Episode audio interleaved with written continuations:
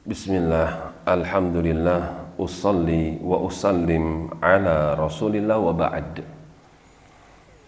Masih di dalam surah An-Naml Sampai pada firman Allah Ta'ala Wa inna rabbaka Dan sungguh Tuhanmu itu Ladhu fadlin ala nas Betul-betul Telah melimpahkan Nikmatnya atas kalian Meskipun kalian melakukan kezaliman demi kezaliman, tetap Allah memberikan keutamaannya untuk kalian.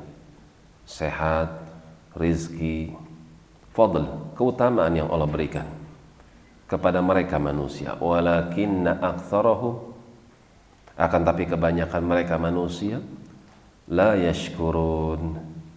Mereka tidak mensyukurinya. Kenikmatan yang sampai kepada mereka justru mereka gunakan untuk menjauhkan diri dari Tuhannya. Kenikmatan yang mereka raih, yang ada di sisinya, yang ada di kantongnya, justru dia gunakan untuk bermaksiat kepada Tuhannya. La yashkurun. Kebanyakan manusia justru tidak bersyukur. Wa inna rabbaka la ya'lam ma tukinnu suduruhum wa ma yu'linun dan sungguh padahal Tuhan engkau ya Muhammad sallallahu alaihi wasallam betul-betul mengetahui apa yang disimpan di dalam dada-dada mereka. Dikasih nikmat justru kufur nikmat.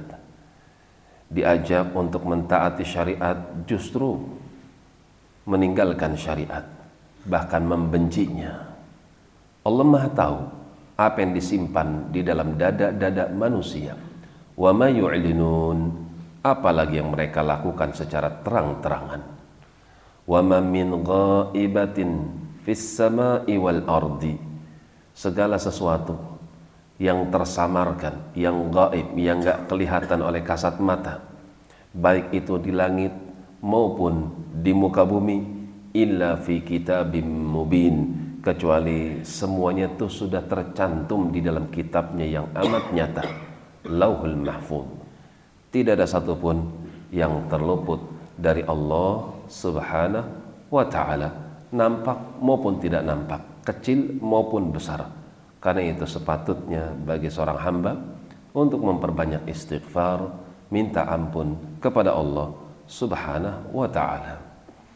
Demikian walau alam bisawab